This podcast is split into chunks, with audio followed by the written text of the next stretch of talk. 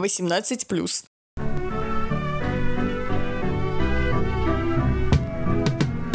Это подкаст «История белорусского секса» от проекта «Альтернативный музей». Здесь мы опровергаем мифы непорочности белорусских селян и рассказываем об эротике, об их повседневной жизни.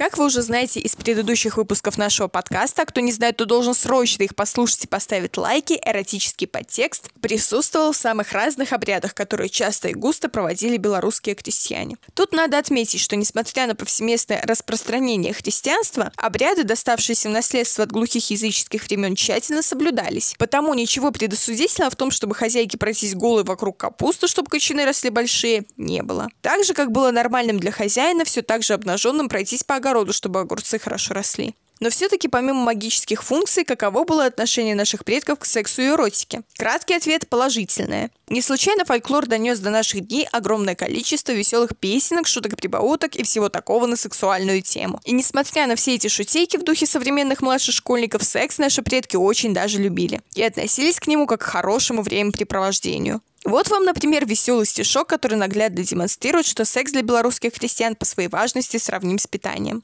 На что бабе решато, на что бабе сито. Дед бабу потоптал, буде баба сыта. Как видите, белорусские крестьяне не верили в стереотип о том, что секс это вообще для мужиков, а женщины должны мужественно сносить это испытание. Молчать, терпеть, все ради удовлетворения потребностей муженька да для продолжения рода. Нет, белорусские женщины секс очень даже любили. Вот еще одна присказка, которая это подтверждает. Там была, там была, где кони пасутся, так дала, так дала, что руки трясутся. Кроме того, дамы очень расстраивались, если сталкивались с половой дисфункцией партнера. Давайте теперь поговорим о позах, в которых занимались сексом белорусы, если с эрекцией все же был порядок. Во-первых, это классическая поза мужчины сверху. Народное творчество сохранило такой стишок. «Не ложися, Марка, боком, это будет ненароком. Ты ложися промусенько, будешь тебе милюсенько». Так что, дорогая редакция, совместно с белорусскими крестьянами позу мужчина сверху очень одобряет. Православная церковь, например, считала ее единственной допустимой для совершения полового акта. Но разве наших предках могла остановить какая-то там рекомендация церкви? Конечно, нет. Поэтому они занимались сексом еще и в позе мужчина сзади. Например, цитата. Як у полі, як у полі пасеть девка кони. Пришел да ей Яков, ставил девку раком. Ну и женщины, которые, как мы помним, секс любили, не были исключительно пассивны в процессе. Короче, женщины тоже бывали сверху. Про это свидетельствует вот такая присказка. «Сядеть свадьте наели, распустивши колени». А что у нас по оральному сексу? Им тоже занимались, несмотря ни на какие запреты со стороны церкви или кого-нибудь там еще. Вот такие веселые стишки дошли до наших дней. «Люблю-люблю Петеньку, за сладкую конхетеньку. Як положить уроток, да заные животок. Синие штаны, белая подкладка. А что у штанах, то и сладко». Но опять же, не стоит считать, что только женщины делали все возможное, чтобы доставить удовольствие своим партнерам. Мужчины тоже вполне себе могли удовлетворять своих женщин орально. Цитата. «Дед бабу согнул, космотьте раздьму, солодкое выкусил, а горкое выплюнул». Это, кстати, была загадка. А отгадка орех. А вы что подумали? Внимание! Высказывание, которое последует дальше, может оскорбить чувства верующих. Цитата. «Як за лесом, за буйраком, там стояла баба раком, а дурень думал каплица, да и давай туда молиться». А теперь поговорим о мастурбации. Епископ Кирилл Туровский в XII веке обратил внимание на грех ручного блуда. Так что да, ребята, и тысячу лет назад люди мастурбировали. Время идет, ничего не меняется, стабильность. Но опять же, несмотря на неодобрение церкви, наших предков едва ли это сильно беспокоило. И на подростковую мастурбацию они практически не обращали внимания. Скорее считали это способом сбросить сексуальное напряжение и посмеивались над этим в таких стишках. «Дозволь, матушка, жениться! Дозволю взять, кого хочу! Не дозволишь мне жениться, колом печь разворочу!» Кол в данном случае очевидно символизирует фалос. А что же еще? Гомосексуальные отношения у наших предков, которые, как мы видим, и не были слишком консервативные, не то чтобы поощрялись. Зафиксирован такой случай в деревне Старые Туросы. Дело было не в таком уж и далеком 1930 году. Был там такой несчастный Васька Герцог. Васька баб не любил. Не мог наладить с ними отношения и все время ругался. Но очень любил мужчин зато. Занимался Васька тем, что гнал самогонку. Поэтому периодически приводил к себе мужиков и напоив клал спать. Очевидно, совершая половой акт без их на то согласия.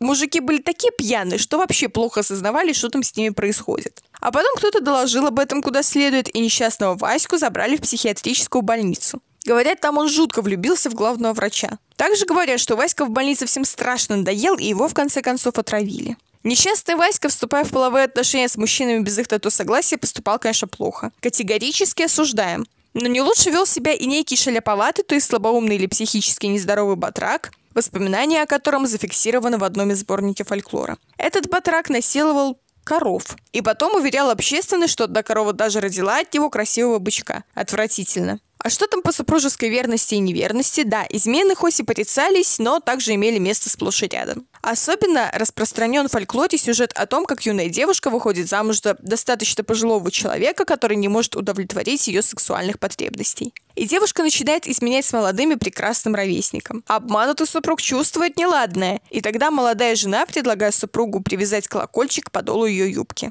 Соответственно, если кто-то попытается задрать подол, колокольчик начнет звенеть. Муж так и поступает. И что вы думаете? Вскоре колокольчик зазвенел в саду, но бедный супруг этого не слышал, так как в силу возраста был уже глуховат. И, конечно, налево ходили еще и мужики. Чужая эта жена кажется привлекательнее своей. И дамы пытались всячески этому противостоять. Обращались к колдуньям, шептали заговоры, давали мужу попить волшебных травок. Правда, иногда такие эксперименты оборачивались против самой жены. Вот, например, в совсем недалеком 1996 году в Бешенковичском районе жена прознала, что муж изменяет ей с другой дамой. Уязвленная супруга обратилась за помощью к местной знахарке. Та пообещала, что у гулящего мужа пропадет всякое влечение к роковой разлучнице. Но случилось непредвиденное, и влечение у мужчины пропало вообще ко всем. Внезапно нагрянувшая половая дисфункция отнюдь не обрадовала супругу. Она вновь побежала к колдуне с просьбой вернуть все как было. Однако изменений не последовало, и на колдунью посыпались многочисленные жалобы в областную газету. Вот как важна репутация бизнеса в современную информационную эпоху. Но вообще белорусские крестьяне верили, что и без всякого магического вмешательства неверного супруга не ждает ничего хорошего. «Не гляди на чужих женок, ти скосеешь, ти сдурнеешь», предупреждает народная мудрость. А еще гулящим мужьям пророчили быстрое облысение, из-за чего они станут похожи на свой вездесущий детородный орган. Как вы, наверное, помните, сексуальное поведение человека – дело не личное, а общественное, в представлении наших предков, конечно. И потому представители других социальных групп вызывали настороженность. Не собираются ли они совершить каких-нибудь сексуальных преступлений? Ведь кто их знает, какие у них там в их социальных группах могут быть дикие обычаи? Поэтому фольклор и зафиксировал образ, например, похотливого папа или ксенза. Случай соблазнения юных девушек синзом и вовсе дело вопиющее, так как православным батюшкам, ну, по крайней мере, можно жениться. А вот к синзам положено соблюдать целебат. Но вот народный фольклор сохранил такой стихотворный диалог молоденькой девушки и ксенза. «Треба, треба, дівчиночка, пересповядати. Си пройшлося, дівчиночка, перед пробавати. Не давала пані ксьонжи, не давала никому, только дала перед ксьонзу молодому. Будуть тебе, дівчиночка, грахи отпушены. Бо ж тебе пробовал человек свянцоны». Шутки шутками, а ведь некоторые Некоторые священнослужители, пользуясь таким своим положением, безнаказанно совершали страшные преступления. Вот, например, в XVIII веке на Виленщине имел место такой случай, когда Ксен Станкевич обвинялся в изнасиловании под видом изгнания бесов, а еще в принуждении невест вступать с ним в половую связь перед венчанием, а еще в том, что собственного ребенка, которого родила одна из изнасилованных девушек, Ксенс приказал бросить в хлев на съедение свиньям. Кто еще представлял потенциальную опасность как чужак? Люди другой религии и национальности. Тут, конечно, мало почтенного, потому что все эти дикие ксенофобные стереотипы не подтверждались примерно ничем. Но все же считалось, что с цыганами, евреями, русскими, татарами, украинцами, короче, со всеми не белорусами лучше в брак не вступать. Потому что очень уж эти чужаки распутные. Также с опаской относились и к представителям знати. Конечно, молодому красивому пану ничего не стоит, как соблазнить какую-нибудь деревенскую девушку, попользоваться ей и бросить. И, конечно же, нельзя себе и представить, чтобы дворянин женился на крестьянке. Поэтому берегитесь, девки панов. Что же, какой мы можем сделать вывод? Вывод в том, что хотя белорусы осуждали секс не брака, но секс в принципе они очень даже любили. И относились к нему с юмором и говорили о своих половых отношениях зачастую в весьма ироничном ключе. Подписывайтесь на наш подкаст, чтобы не пропустить следующий выпуск, и на инстаграм «Альтернативный музей». Ставьте лайки, пишите комментарии там, где это возможно, и мы очень ждем следующей встречи с вами. Пока!